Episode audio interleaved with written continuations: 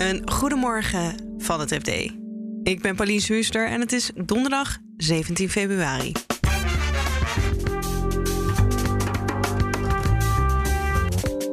Brussel heeft een nieuw wapen in handen gekregen om lidstaten te straffen als ze tegen de rechtsstaat en de democratie ingaan. De betekenis van het arrest is uh, super groot, denk ik. Maar daarna wordt inderdaad, uh, zoals zoveel dingen, wordt politiek. En de Tweede Kamer wil een onderzoek naar een noordelijke aftakking van de Betuwe-route door Twente en de Achterhoek. Maar aan de regio's hebben ze niks gevraagd. Pieter Omzicht die zei ook: stel er zou een spoorlijn door Amsterdam komen te staan, dan is het. Uh, dan kun je het niet voorstellen dat er niet met Amsterdam gepraat wordt over die spoorlijn voordat er bijvoorbeeld een bootje wordt ingediend of voordat er plannen worden gemaakt. Dit is de dagkoers van het FD. Het zogeheten conditionaliteitsmechanisme is niet strijdig met het Europees recht en mag dus worden ingezet. Dat oordeelde het Hof van Justitie van de EU gisteren. Dat betekent dat Brussel er een wapen bij heeft om de ondermijning van de rechtsstaat in Polen en Hongarije aan te pakken. Han-Dirk Hekking is onze Europa-verslaggever en volgt het dossier op de voet. Nou, dit begint eigenlijk dit verhaal in december 2020. Dan hebben de Europese regeringsleiders hebben eigenlijk een akkoord bereikt, bereikt over het conditionaliteitsmechanisme, zoals dat heet. Dat is eigenlijk dat uh, zegt dat, dat uh, als, op het moment dat je inbreekt op de rechtsstaat en op de democratie, dan zou Europa jou van subsidies kunnen uh, beroven of zouden ze die, die subsidies kunnen intrekken. Ja, dus bijvoorbeeld landbouwsubsidies. Ja, of regionale steun, you name it. Ja, en daar krijgen Polen en Hongarije wel redelijk wat van, volgens mij. Ja, klopt. Ja, Polen en, en zeker Polen is op het gebied van landbouwsteun is echt een hele grote ontvanger daarvan. En allebei zijn ze netto ontvanger. Dus dat betekent dat ze zeg maar, meer geld krijgen uit de EU, uit de EU dan ze uh, bijdragen. Ja, en uh, nou uh, zeg je al, het begon in december 2020. Toen hebben ze, heeft Brussel dus eigenlijk al gezegd: dit willen we gaan doen. Maar ze hebben dus tot nu afgewacht of het Hof zei of het ook echt mocht. Ja, eigenlijk uh, zeg maar, onderdeel van het akkoord in december 2020 was dat Polen en Hongarije het, uh, de mogelijkheid zouden krijgen om uh, naar het Hof te stappen om het mechanisme aan te vechten. Ze waren het er niet mee eens op dat moment, maar oké, okay, ze hebben gezegd: oké, okay, we gaan gewoon inderdaad die juridische strijd gaan we aan. in ruil daarvoor heeft de Europese Commissie eigenlijk toen toegezegd: van nou, we passen dat mechanisme eigenlijk niet toe totdat we duidelijkheid hebben van het Europees Hof. En die duidelijkheid is er nu. En gaan ze het dan ook gelijk nu toepassen? Hoe gaat het verder? Ja, dat is een hele goede vraag. Dat is eigenlijk een hele politiek-strategische vraag waar Brussel zich nu voorgesteld uh, ziet. Uh, hè, er zijn natuurlijk heel veel mensen, bijvoorbeeld in het Europese parlement en ook uh, zeg maar, mensen, voorvechters van de, rechtsstaat en democratie in Polen en Hongarije, die vinden dat Brussel nu gelijk in actie moet komen. Aan de andere kant is er ook een politieke realiteit. Eentje, zeg maar, één element daarvan is dat er verkiezingen aankomen in Hongarije op 3 april. Ja. De commissie zou zich eigenlijk daar niet in willen mengen in die verkiezingsstrijd, maar daar kan ze natuurlijk wel van beschuldigd worden als ze gelijk dat mechanisme activeert. He, dan zeg je eigenlijk van we nemen het op tegen de, tegen de Hongaarse regering en dan zijn we voor de oppositie. Dus Ja. daarom zijn ze misschien wat terughoudend daarmee. Want volgens mij is Orbán nu om ook stemmen te wennen ook een beetje bezig met juist heel veel geld aan het uitgeven.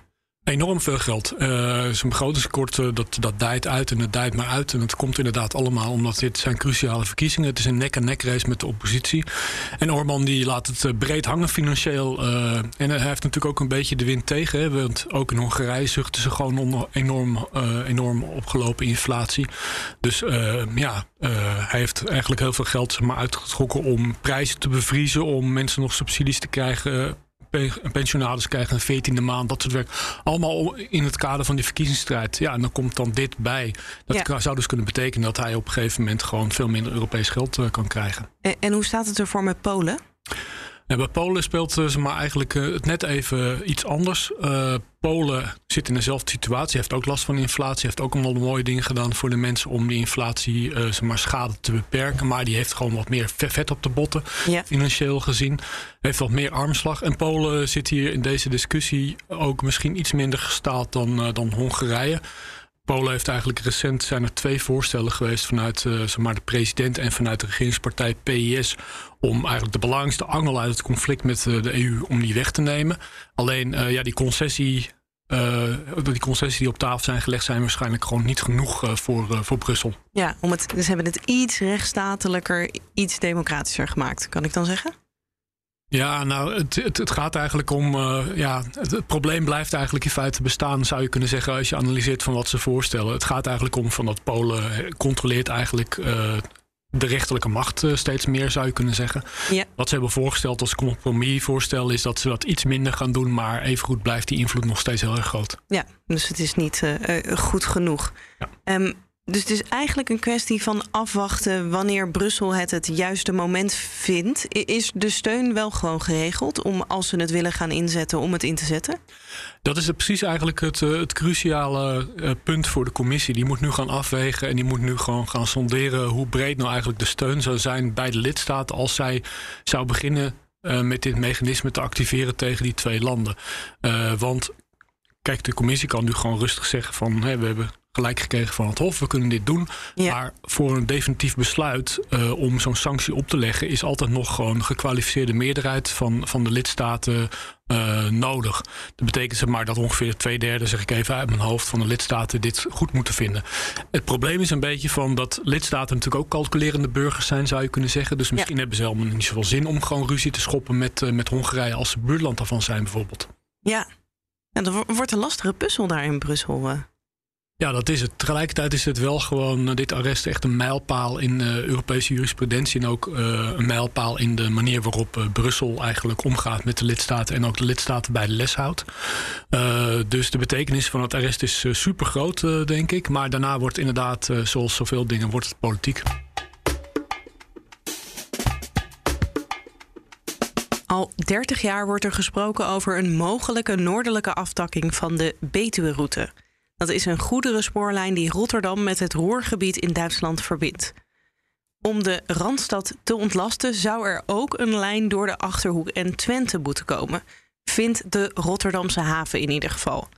Dat vertelt redacteur Ahmed Majid. Het havenbedrijf zegt dus eigenlijk van als er een Noorddak zou komen, zou die goederen via de Betuwe-route uh, vervoerd kunnen worden. En dan via die Noorddak bij Overijssel de grens over. Dus dan hoeft, hoeven die goederen niet meer via de Randstad te gaan. En nou begrijp ik dat ze in Achterhoek en Twente niet zo heel erg zitten te wachten op die lijn. Ja, klopt. Uh, kijk, het gaat natuurlijk. Het is niet zo dicht bevolkt als in de Randstad, maar alsnog gaat het wel door een aantal dorpen en uh, ja, gebieden heen. En wat hun ook steekt is dat zij niet van tevoren ingelicht zijn over de plan, of althans niet voldoende. Pieter Omzicht die zei ook: eh, stel er zou een spoorlijn door Amsterdam komen te staan, dan is het. Uh, dan kun je het niet voorstellen dat er niet met Amsterdam gepraat wordt over die spoorlijn voordat er bijvoorbeeld een bootje wordt ingediend of voordat er plannen worden gemaakt. Ja. En dat is hier volgens die regio's en ook volgens Pieter Omzicht, die als enige tegen de motie stemde, wel gebeurd. En waar vrezen ze eh, voor? Voor geluid, voor uh, trillingen, voor wellicht voor schade aan de huizen. Ik sprak een, eh, de wethouder van Doetinchem. En die zei van het is nog niet eens aangetoond of het nutzaak, nut en noodzaak wel uh, voldoende is. Ja. Dus waarom zouden we hier al mee akkoord gaan met het onderzoek? Dus zij vrezen gewoon voor de negatieve gevolgen en dat het plan er te snel doorgedrukt wordt. Ja, aan de andere kant, als je dat onderzoek niet doet, dan weet je natuurlijk nooit of het goed kan. Nee, precies. En dat is ook de reden dat, uh, dat de meeste leden van de Tweede Kamer hebben gezegd: uh, laten we eerst het onderzoek afwachten.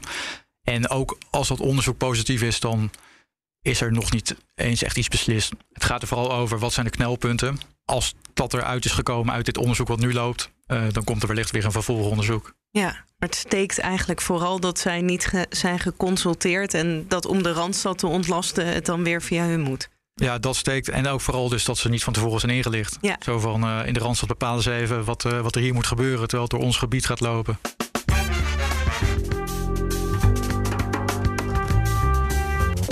Dit was de dagkoers van het FD. Op fd.nl lees je meer over deze onderwerpen en volg je het financieel-economisch nieuws. Dagkoers volg je in je favoriete podcast-app. Zoek ons even op en klik op abonneren. En wat helemaal leuk zou zijn, is als je dan ook nog even klikt op 5 sterren. Dan kunnen andere mensen ons weer makkelijker vinden. Morgenochtend staan we weer voor je klaar. Een hele fijne dag en tot morgen.